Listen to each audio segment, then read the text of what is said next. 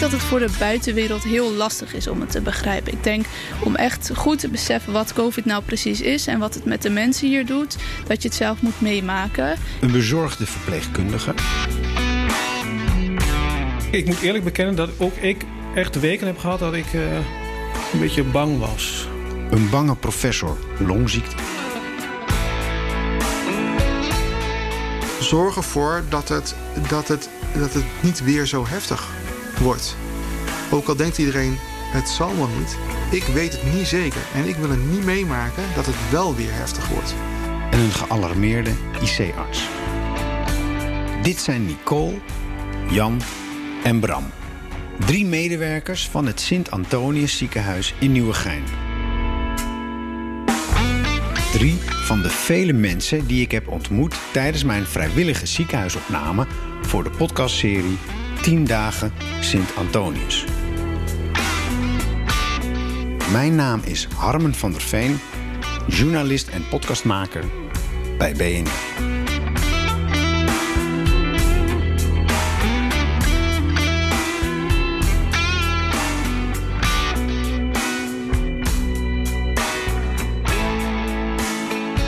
Na maanden verslag van de gevolgen van de coronacrisis voor Nederland begon ik me steeds meer af te vragen: hoe zit het met het virus zelf? Hoe gevaarlijk is het eigenlijk? Hoe ziek word je ervan? En hoe ging het er überhaupt aan toe achter die hoge ziekenhuismuren tijdens het hoogtepunt van de crisis? Hoe hebben de artsen, de verpleegkundigen, maar ook de schoonmakers het beleefd?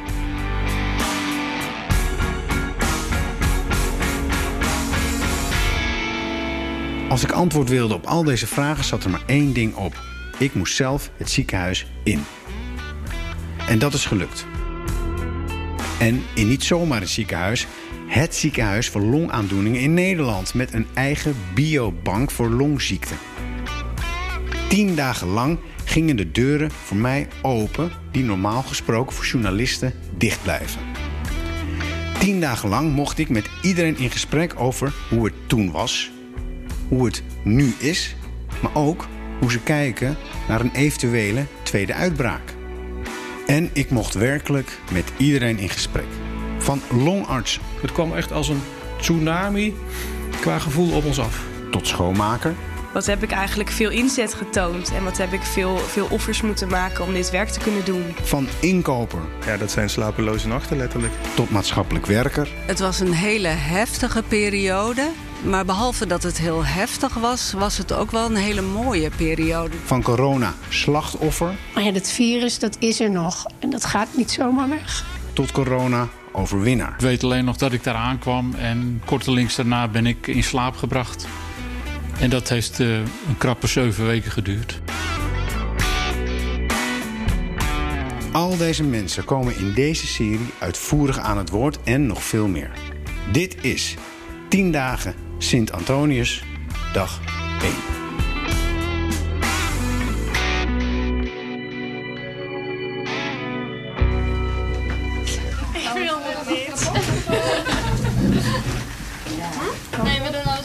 Dit zijn de schuivende stoelen van de koffiekamer op afdeling D2 in het ziekenhuis. Ja, maar Yannick die komt niet. Die staat nog op af. De ochtendbriefing staat op het punt van beginnen.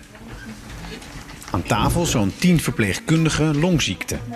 Waaronder Kimberly en Romy. Daar hebben ze de zuurstof verder afgebouwd naar 5 liter, dus dat gaat de goede kant. Met hen heb ik een afspraak voor een gesprek over corona. 700...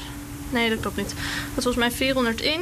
Zij stonden beide midden in de vuurlinie toen deze afdeling compleet was omgebouwd tot corona-afdeling. Met in de bedden alleen maar doodzieke COVID-19-patiënten. Gisteren wilde geen oxazepam voorschrijven, maar we hebben even met de nachtdienst overlegd. Die wilde dat wel. De eerste die ik spreek is Romy. Oké.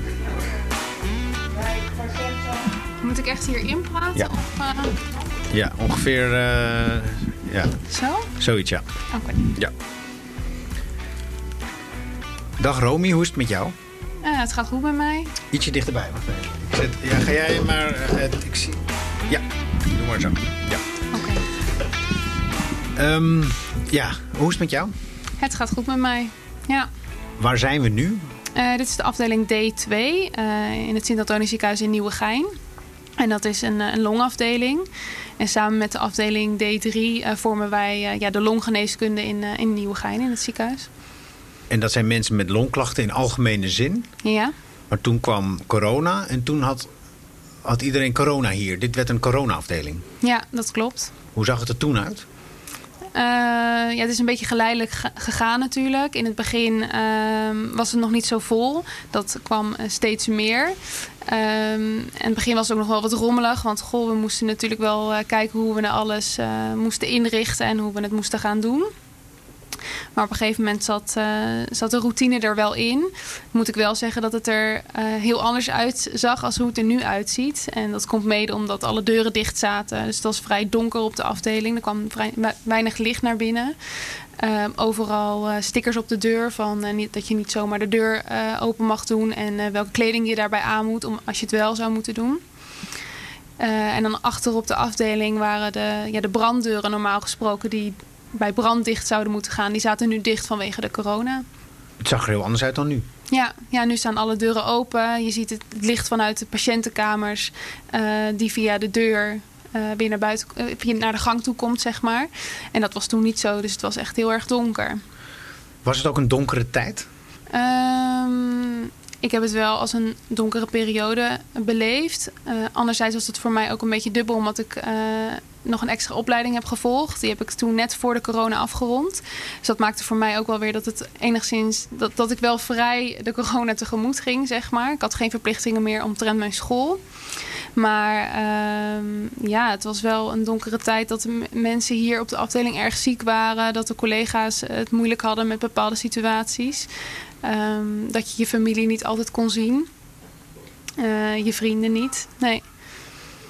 En dat mensen hier binnenkwamen en, eh, naar ik nu ook begrepen heb, razendsnel de verkeerde kant op konden gaan. Hè? Ja, Richting ja. de dood. Ja, ja, dat kon heel snel gaan. Ja. Heb jij dat ook meegemaakt, gezien, gevoeld? Ja, zeker. Toevallig in deze kamer, want wij zitten op de afdeling en dit is kamer 12? Dit is kamer 14. Kamer 14? Ja, bijna. Heb je hier herinneringen of de kamer hiernaast? Ja, dat heb ik wel. Ja. Vertel daar eens over.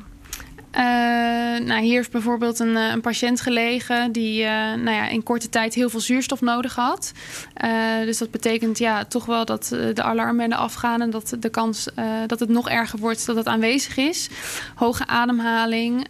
Um, die patiënt had nog wel een IC-beleid, dus die heeft er bewust voor gekozen in, in samenspraak met de artsen om nog wel behandeld te willen worden op de intensive care. Uh, dus ja, wij deden hier op een gegeven moment het maximale, dus de maximale hoeveelheid zuurstof. Uh, maar die patiënt die uh, trok dat alsnog niet. Was het een man, een vrouw? Kan je een leeftijd erbij zeggen? Uh, ik meen dat het een man was. Ja, het was een man. Leeftijd weet ik, durf ik niet te zeggen. ja, die ging toch fors, fors achteruit. Die trok het niet meer. Die was echt aan het uitputten. Dus ja, artsen erbij gehaald. Uh, nou ja, dan komt intensive care uh, langs om te kijken. Nou ja, die uh, zagen eigenlijk ook vrijwel gelijk dat het niet, niet zo goed ging met deze patiënt. Dus die hebben de patiënt meegenomen. En dat gaat dan zo razendsnel. Want het is gewoon van belang dat die patiënten zo snel, als ze aan de beademing zouden moeten, dat dat zo snel mogelijk gebeurt. Omdat ze dan, uh, ja, dat, daaruit blijkt toch wel dat ze dan een betere prognose hebben. Dus dat is echt een, een beeld van hectiek, haast. Uh, dat, dat, dat gaat in, in, in, in kwartieren, minuten?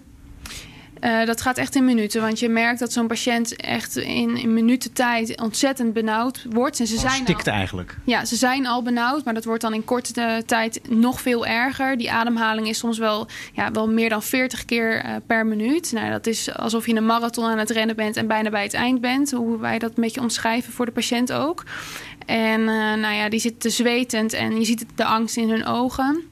Dus dan is het belangrijk dat je snel mogelijk dat je snel handelt. Uh, want ja, hoe langer het duurt, hoe minder goed die mensen uh, ja, de rest nog aan kunnen, zeg maar. En toen is deze man naar de IC uh, gebracht, haastig gespoed, daar aangekomen. Weet je hoe het is afgelopen? Nee, nee ik, heb, ik, heb niet, ik heb bewust voor mezelf ja, gekozen om de patiënten niet te blijven volgen. Want ja, dat zijn er zoveel. ik wilde het ook niet mee naar huis nemen of iets dergelijks. Dus je weet niet of deze specifieke meneer nog leeft? Uiteindelijk uh, weet ik dat dus nu niet. Nee, je zou dat natuurlijk wel na kunnen vragen... omdat de behandelende artsen daar wel bij betrokken blijven. Maar doe je dat om jezelf te beschermen? Uh, deels wel. Het is ook, het is, officieel heb ik, wanneer deze patiënt uh, naar de intensive care uh, toe gaat, heb ik geen behandelrelatie meer. Nee. Dus zou ik ook niet meer zomaar in zijn dossier uh, mogen kijken. En dat doe ik dan ook niet. Maar er zijn natuurlijk andere manieren. Doordat je daar bij een arts navraagt van... goh, uh, weet jij toevallig hoe het met die patiënt gaat... dat dat uitgewisseld kan worden. Want je hebt wel een behandelrelatie gehad. Maar je doet het niet. Maar ik doe het niet, nee. Hoe gaat het nu met je? Ja, het gaat goed. Ja. Want het was een drukke tijd. Om het maar uh, ja, als understatement zo te noemen. Ja, wij zijn nu een beetje aan het herstellen als afdeling. Pakken de gewone zorg weer op. Een tweede golf lijkt me pittig. Uh, ik denk zelf wel dat ik het, dat ik het aan ga kunnen. Um, ja, ik hoop dat hij natuurlijk lang uitblijft. Uh, maar ik denk als hij er komt, dat, um, dat, dat het wellicht iets... Nou ja, ik denk niet dat het makkelijker wordt, dat is niet het juiste woord. Maar we weten in ieder geval wel hoe we het moeten doen. Ik denk dat wel, dat wel een uh, stapje in de goede richting is. Ja. Maar um, nee, ik zie er niet enorm tegenop. Nou, hier, hier, buiten de muren zijn ze er al op een andere manier uh, niet meer mee bezig. Uh, is het jou ook opgevallen? Ja, ja, als ik wel eens naar huis fiets vanuit mijn werk... dan zie ik wel eens in de, in de stad uh, dat, ja, dat er veel mensen zijn... en dat er niet altijd anderhalve meter afstand gehouden wordt. En dat zie je en wat denk je dan? Ja, dan denk ik, jullie weten denk ik niet hoe, hoe erg het kan zijn. En um, dat vind ik jammer. Ja. Nou, dan zouden ze eigenlijk allemaal in deze, binnen deze muren moeten komen... om het van dichtbij te zien en te horen. Ja, ik denk dat je het pas echt beseft als je er toen bij was geweest. Als je toen had gezien wat wij hier gedaan hebben en hoe mensen hier lagen. Ja, maar dat kon alleen maar als je of hier werkte of doodziek was. Ja.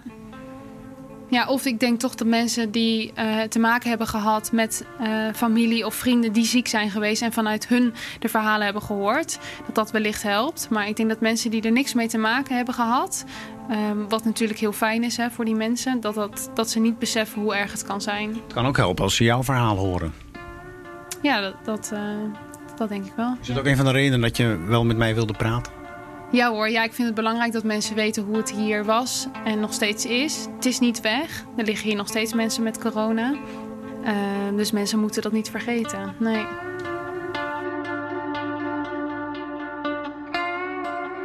En dan gaat Romy weer verder met haar belangrijke werk. Ondertussen is Kimberly klaar met de ochtendbriefing.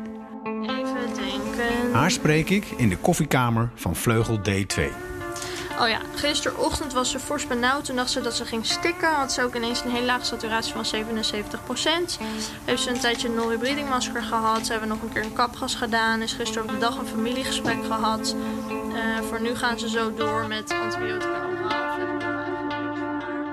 En uiteindelijk hebben ze de morfine wat verhoogd. Dus ze heeft gisteren 1,24 uur 6. Kimberly, kan ik jou wat vragen geven? Ja, zeker.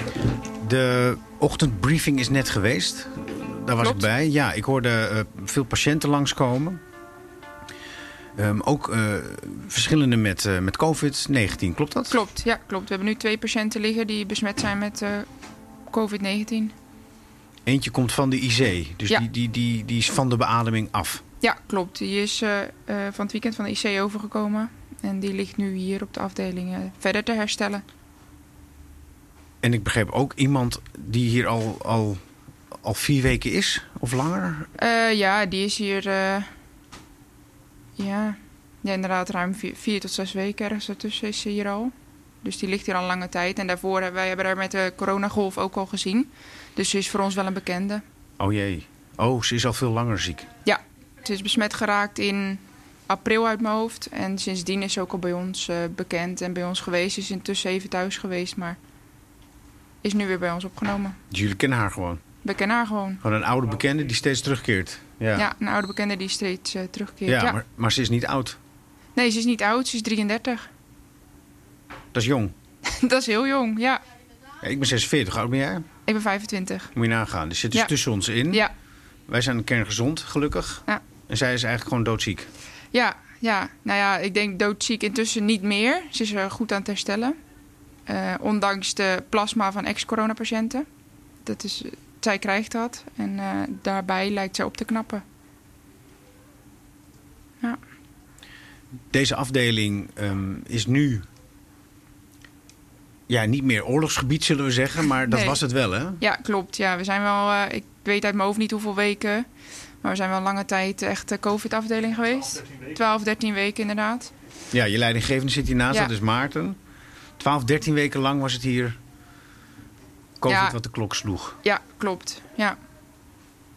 En ik zeg oorlogsgebied, maar daar keek jij hem niet van op. Dat- Want dan overdrijf ik niet. Nee, dat was het in het begin zeker. Je weet niet waar je te wachten staat en wat je kan verwachten.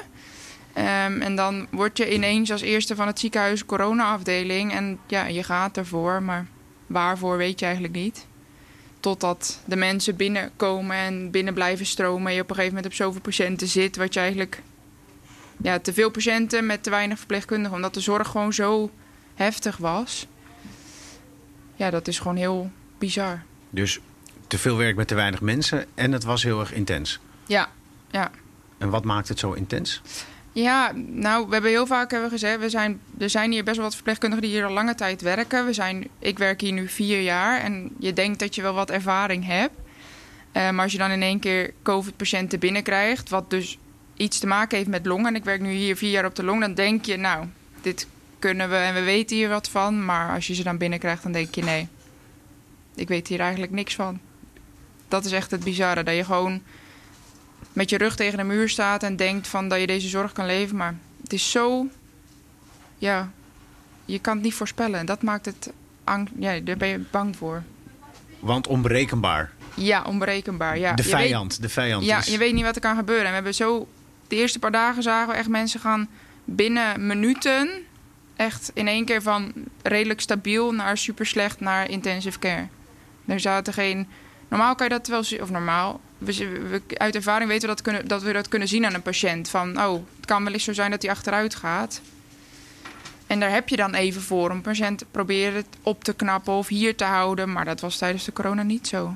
Je hebt gewoon binnen minuten gaan mensen achteruit. Want net was een soort overdracht. Hè? En Ja. dan zie ik die papieren en daar staat keurig op nou ja, wat er eigenlijk de hele nacht is gebeurd. Ja. En dan, dan, ja, dan, dan, dan kan je zo'n patiënt monitoren eigenlijk, in de gaten houden. Maar jij zegt met, met, met, die, met, met corona, met covid, die, die, die, dat gaat razendsnel. Ja, het gaat razendsnel. En omdat je, je kent het niet. Het is iets wat met longen te maken heeft. Maar dan denk je dat je longervaring hebt. Maar op zo'n moment, nee. Dan, eh, En wat voor soort gevecht is dat dan? Behalve dat je tegen de muur staat en dat je niet weet waar de klappen vandaan komen. nou, het is wel iets... Het lijkt dan of je hier nieuw bent en dat je denkt van... joh, waar is al mijn ervaring gebleven? Je hebt dan niks meer aan de ervaring die je hebt opgedaan. Dat gevoel een beetje van... Ja, ik Ja. heb hier voor niks gelopen en ik weet nog steeds niks. Je dat was, gevoel. je was een getrainde soldaat, zullen we maar zeggen. Ja, maar je had er ineens... niks aan. Nee. nee, dat gevoel hadden, had ik vooral. En ik heb wel gemerkt dat meerdere collega's dat ook hadden. Maar die, die periode is nu wel achter de rug. Ja. En, en hier, hier is een, een normale situatie nu. Dit is, Ja. dit is zoals het bij jullie jaren ging. Ja, klopt. Ja, behalve dan dat we constant twee coronakamers hebben. Met nu ook twee coronapatiënten. Ja, ja, dat is dan anders dan wat het normaal is. Maar dit is weer de strijd die jou bekend voorkomt, zullen Ja, we zeggen. zeker. Ja, ja, ja. Met de piepjes erbij die ook eh, heel bekend zijn. ja, zeker. En nu komt er misschien een tweede golf aan. Ja, wie zal het zeggen? De cijfers misschien een beetje. Ja, misschien zitten we Ja. erin. Als dit wordt uitgezonden, is, is, kan het alweer verdubbeld zijn. We Ja. weten het niet. Nee, Hè? we weten het niet. Dat weten we niet. Maar stel dat dat dan komt, ben je dan wel beter voorbereid? Zijn je, heb je dan meer wapens, meer ervaring? Ben je dan meer. Ik, ja, meer ervaring denk ik wel. Want je hebt nu twaalf weken constant voor coronapatiënten gezorgd. Dus je weet wel wat je kan verwachten. En hoe snel mensen ziek kunnen worden. Dus ja, misschien ben je wel beter voorbereid. Of we beter bewapend zijn, weet ik ook niet. Want andere materialen of iets hebben we niet. Nee. Het blijft gewoon dezelfde situatie. Ook nog geen geneesmiddel? Nee, dus ja. Ik denk wel dat we meer ervaring erin hebben. En dat is het dan eigenlijk. Ik denk dat dat het is, ja. En als je dan naar buiten kijkt, buiten dit ziekenhuis, want dan, daar zie je mensen toch de anderhalve meter vaker vergeten. Ja, ja, dat is een beetje dubbel. Want zelf eh probeerde ik er wel heel erg rekening mee te houden. Maar soms moet je echt wel... Eerst kwam je in de supermarkt en durfde niemand met niet eens het karretje van elkaar aan te raken of aan te tikken. En nu moet je zelf ook wel even denken van... oh ja, ik moet even een ander gangpad en dat soort dingen. Maar als je mensen buiten echt ziet knuffelen of wat dan ook... dan denk je, ja, we zijn er nog niet, hè. Dus ja, het is wel dubbel. Enerzijds denk je, ja, ik, ik ben ook wel een beetje klaar met die anderhalve meter. Of Nee, nee, nee. beetje, of- nou, meer dat omdat mensen om je heen er niet zo strikt meer mee zijn, moet je zelf ook opletten dat je wel strikt blijft. Kijk, eerst was het in de supermarkt, mensen ontweken elkaar echt. En dat doen ze nu niet, waardoor jij zelf heel erg goed op moet letten van even omlopen of wat dan ook. Maar ja. het is niet dat ik er klaar mee ben of ben vergeten, dat niet. Ik probeer er wel heel erg mee re- rekening mee te houden, maar het is lastig als mensen om je heen dat veel minder doen. En knuffel je zelf al je geliefde weer? Ehm, nou, ik probeer er wel mee uit te kijken. Als ik zelf bijvoorbeeld wat verkouden voel, mijn zus heeft twee hele kleine kinderen, ja, daar ga ik dan niet naartoe. Dat, dat soort dingen probeer ik wel mee op te letten. Maar als, als ik me goed voel en ja, ik pas bijvoorbeeld ook op zoals mijn zus aan het werk is, dus dan laat ik ze wel gewoon komen. Maar ik probeer er wel heel strikt naar te kijken van is het veilig of. Ja. Maar buiten dat niet. Het is Nee. niet dat ik echt naar een verjaardag zou gaan met familie of vrienden of daar probeer ik wel echt goed naar te kijken. Hoeveel mensen er komen en of we dan, als je met een paar bij elkaar zit en als je die anderhalve meter goed kan waarborgen, is het ook weer een ander verhaal. Er wordt nu gezegd dat vooral jonge mensen, die, die kunnen niet meer houden. Hè? Die, die, Ja, die nee, weer het, is ook, eh, het is ook lastig als je in deze zomertijd eh, gek bent van een feestje. Dan, eh, Maar als je dat hoort, dat die feestjes er inderdaad zijn... en dat er ook uitbraken zijn op jongere campings... ja, is lastig. Ja, het blijven jongeren, die willen toch feesten. Maar ja, dat, je moet wel op blijven passen. Je moet wel ja, logisch blijven nadenken. En soms, ik denk als er een hoop drank of iets anders bij komt kijken... dat daar niet meer naar gekeken wordt. En COVID trekt zich daar niks van aan. Dat blijkt nee, nu nee, echt. dat blijkt. Ja, je ziet het in, over. Ja, in Terschelling of dat soort dingen. Ja, ja. En wat als een van die patiënten straks hier komt... Hè? en dan blijkt dat het op dat eiland eh, ter Schelling is gebeurd... en die komt dan hier. En dan moeten jullie eh, weer aan de slag. En dan komt die strijd weer terug. Hoe kijk je dan naar zo'n patiënt? Nou ja, je mag er natuurlijk zelf van denken wat je wil, met collega's over hebben en ja, je mening over hebben. Maar de patiënt blijft de patiënt en die is ziek. Dus je moet daar hoe dan ook voor zorgen. En met, met wat voor reden of achtergrond die hier binnenkomt. Maar je praat met je collega's. Wat zeg je dan? dat, ik zou dan denken van nou, het is niet slim geweest dat je daar bent geweest. En dat je dan waarschijnlijk die anderhalve meter niet hebt gehanteerd. Want ja, anders zou je het waarschijnlijk niet gekregen hebben. Dat is dan waar ik over zou nadenken en over zou spreken. Maar Ja. ja, het blijft de patiënt die ziek is. Dat is, heel, dat is heel diplomatiek en natuurlijk ook helemaal de, de erecode van je werk. Ja, Maar hier in de koffiekamer is de sfeer Tuurlijk. natuurlijk eh, hopelijk eh, onder elkaar. ja daar, daar praat je daarover. Dat, dat, ja, dat je zo'n patiënt hebt liggen die daar waarschijnlijk niet zo met die regels is omgegaan. En dan komt er nog één en nog één. En dan zitten we misschien inderdaad straks Ja. in de tweede ronde. Maar dan nog ben je verpleegkundige en zijn ze ziek en moet je ervoor zorgen. Ben je er klaar voor, voor die tweede ronde? Ehm, lastige vraag. Ik- We zijn het allemaal wel een beetje zat om ervoor te zorgen, denk ik. Omdat het, zeker met deze temperaturen, je moet in pak. En ja, ik vind het lastig om een ja of een nee te zeggen. Kijk, als het komt, dan komt het. Het is je werk, dus je moet er wel voor gaan. Maar Maar mag ik je gezicht aflezen? Want dat is, eh, Ja? dat is wat ik zie. je maakt op mij de indruk dat, dat, je, dat je wel moe bent. En, en, niet, nou, en niet zo zin hebt om die pakken weer aan te trekken. Dat is wat ik het, is denk. met, als je... het maakt er steeds met deze temperatuur maakt het er allemaal niet makkelijker op. Nee. En ik denk dat het ook een andere situatie is als je bijvoorbeeld in de winter zit. Of, want je komt eruit. Het is gewoon heel warm. En dat maakt het nog zwaarder natuurlijk. Maar ja, het is je werk. En wat er binnenkomt, komt er binnen. Dus daar moet je voor zorgen.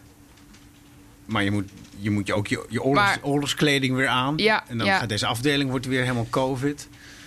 Ja, ik denk dat we... En dan ga je Ja. die belachelijke uren maken waarschijnlijk weer. Ja, op Komt het niet te mee. snel namelijk? Want ik, ik had van een collega van jou gehoord die dacht... ja, oké, januari. Maar het kan Het is wel snel, want ik weet hoeveel weken zijn we nu weer terug. Eh, twee, drie maanden denk ik uit mijn hoofd gezegd. Ik weet het even niet, maar het komt wel weer snel erachteraan. Dus ja, of je dan op dit moment er al klaar voor bent. Iedereen is net weer terug van vakantie eh, of is nog toe aan vakantie. Om nog uit te puffen van ronde 1. Ja, dat denk ik wel, ja. Dus ja, het komt wel snel, maar als het komt, ja, dan komt het. Ik begreep dat een teamhoofd, die, die is nu aan het uitrusten. Echt. ja. Klopt. En Dat betekent ook wel iets, toch? Ja, zeker. Dat betekent zeker iets. Ja, ik denk dat zij, eh, of nou ja, zij heeft voor eh, het team en voor ons ook beslissingen moeten nemen die gewoon eh, heftig zijn. En daarbij was ze met een studie bezig. Dus ja, Wat voor beslissingen moest ze nemen die heftig waren? Ja, ehm, bij mensen die eh, komen te overlijden, geen familie erbij, eh, geen bezoek op de afdeling. We hebben een tijd, of de eerste week, twee weken, misschien iets langer, geen bezoek mogen hebben. Ja, dat is natuurlijk wel heftig, want mensen gaan heel hard achteruit, worden heel ziek. En ja, dat je daar geen familie bij moet hebben, ja, dat is. Het zijn natuurlijk ook wel beslissingen die ziekenhuisbreed genomen worden, maar die je ook weer moet vertalen naar je afdeling. Want mensen gingen hier dood. Ja, zeker, ja. Ja, En alleen met jullie. ja. ja. En zij was degene die dat. Nou ja, wat ik Ja. zeg, hè, er worden beslissingen genomen ziekenhuisbreed. Maar je moet dat als eh, teamhoofd ook weer vertalen naar je eigen afdeling. En dat zijn wel moeilijke beslissingen om de knoop door te hakken van... Kijk, je moet natuurlijk ook per patiënt kijken. Maar in de eerste week hadden we echt geen bezoek. En op een gegeven moment moet je dan steeds Ja. gaan filteren. Oké, die wel bezoek, die niet. Ja. En ja, dat zijn gewoon keuzes die je in overleg met haar hebt moeten maken. En dat zijn wel zware keuzes die je neemt in zo'n tijd. En, en soms overleed dan iemand hier? Ja. Ben jij daarbij geweest? Ja. Kan je daar iets over vertellen? Ja, het waren dan. Dat zagen we wel, dat het ook soms wel mensen waren die al eh, een voorgeschiedenis hadden. Dus waarbij de gezondheid en conditie niet heel goed waren. Waarvan we dan hebben gezegd van. Ja, we gaan diegene niet meer naar de intensive care doen of aan de beademing leggen. Want dat, daar komt de patiënt waarschijnlijk niet meer van af. Ehm, dus dat was wel heel heftig, omdat met de familie... Je doet het allemaal telefonisch in die eerste paar weken. Van joh, kunnen niks meer betekenen. Een soort doodvonnis. Ja, eigenlijk wel, ja. En ehm, En dan wacht je De- ook en dan gebeurt het, ja. ja, je gaat natuurlijk wel kijken wat je op, die, op dat moment nog het beste voor de patiënt kan doen. Hè? Qua pijnbestrijding of benauwdheidsbestrijding. Je gaat, je gaat natuurlijk niet alles stoppen en maar Nee. wachten. Je blijft wel voor diegene zorgen. Maar je hebt ze zien vertrekken. Ja. Waar jij bij was zonder familie. Ja. Is er dan contact met die patiënt? Mm, ja. Ja. Heb je daar tijd voor? Want eh, Ja. zeg je, er zijn Het, heel eh, veel je mensen, tijd voor? Dat weinig ook- mensen, veel werk. ja, je moet daar natuurlijk tijd voor maken. Hè? Want zeker als er ook geen familie bij is. Maar als je weet dat eh, jouw andere patiënt op een andere kamer vecht voor zijn leven, die wel in een betere conditie is, die nog wel naar de intensive care moet op zo'n moment, dan is het een lastige keuze maken. En dus? Ja, je probeert dat met elkaar op te lossen. Je bent natuurlijk niet alleen aan, op zo'n unit. Dus je gaat met elkaar kijken. Van, Is er iemand die... is er iemand die hiervoor kan zorgen? Of is er iemand die hiervoor kan zorgen? En zo nodig de dokter erbij. Want je hebt natuurlijk de dokters ook lopen. Maar heb je dan tijd om een hand vast te houden als iemand sterft? Bijvoorbeeld, terwijl de piepers gaan en door de gang mensen rennen. Ja, je moet daar wel tijd voor vrijmaken. Maar lukt ja. dat ook? Ja, dat, ik denk dat we dat, daar aardig ons best eh, voor hebben kunnen doen. Om dat zeker met elkaar op te lossen. We hadden ook natuurlijk dokters. En de dokters die er waren, die kenden we. En dat werkt ook heel prettig. Als je elkaar kent, je weet wat je ook aan, aan elkaar hebt. Dat je kan zeggen van, joh, ik heb je nu nodig bij die patiënt. Dan kan ik bij de andere blijven. En dan kan die sterven. Ja, Het is toch eh, het, het hele leven van die patiënt... Ik moet zeggen persoon, want het wordt pas een patiënt aan het einde. Die, dat eindigt dan bij jou hier, Ja. op deze plek, in die kamer, op Ja. dit moment. Zonder familie, met Kimberly aan het Ja. Dat, dat lijkt mij eh, eh, heftig. is het ook. En zeker omdat de situatie ook anders is dan normaal. Hè? Ja, want Maar- dan die hectiek ook weer. Ja. En, dan, en je zegt ook letterlijk, een kamer verderop ligt iemand die nog vecht voor kansen. Ja, En daar wil je eigenlijk je energie in steken. Ja, tuurlijk wil je daar ook je energie in dilemma. steken. Maar als iemand komt te overlijden of aan het overlijden is, wil je daar ook. Maar als je daar te lang bij blijft en aan de andere kamer sterft daardoor iemand, omdat jij ook zegt het gaat razendsnel, dan loop jij dus als op een soort, Ja. op een soort koord. Ja, maar wat ik zeg, je bent nooit alleen aan het werk. Dus Nee. je gaat dat met elkaar oplossen en zo nodig de dokters erbij. Of... Maar dat lijkt mij een enorme, Ja, je staat soms echt. energiespanning. Ja, ja, dat is wel echt. eh, Is er ook moment voor een traan later met collega's? Ja, zeker. Dat hebben we ook wel gedaan. Er zijn ook wel momenten waarop je denkt. eh, eh, het is even genoeg. Of Heb jij moeten huilen ook? Ehm, op het werk niet, maar daarbuiten wel. Maar meer ook omdat het echt veel was in de zin van... je bent hier met corona aan het werk, je komt thuis, het nieuws gaat over corona... dan ga je naar bed, dan sta je weer op, je gaat weer met corona aan het werk... je komt weer thuis, ja, zo zit je op een gegeven moment in een cirkel... En op een gegeven moment wordt dat wel veel. En het is ook wel goed om dat even kwijt te raken. En dan te hebben van, oké, ik ben het kwijt. We gaan er weer tegenaan. En is er iemand thuis die jou dan troost? Ja, zeker, ja. Ja. Ja, en we kunnen daar ook wel met elkaar wel goed over praten. Desnoods buiten werk, dat je elkaar opbelt. Of, dat hebben we ook wel regelmatig gedaan. Maar je moet ook wel echt ontspannen. Je lijf en je hoofd moeten ontspannen. Ja, zeker. Maar daar, van deze hectiek. daar hoort dat ook bij. Dat, dat even het kwijtraken of het even bellen met een collega van hoe was jouw dag? Of, ja, ja dat, dat hoort daar wel bij. Ja. En dat gebeurt ook. Zeker, ja, ja, ja. En heb je nu het gevoel dat je tussen die twee oorlogen in zit? Uh, dat er weer iets aankomt?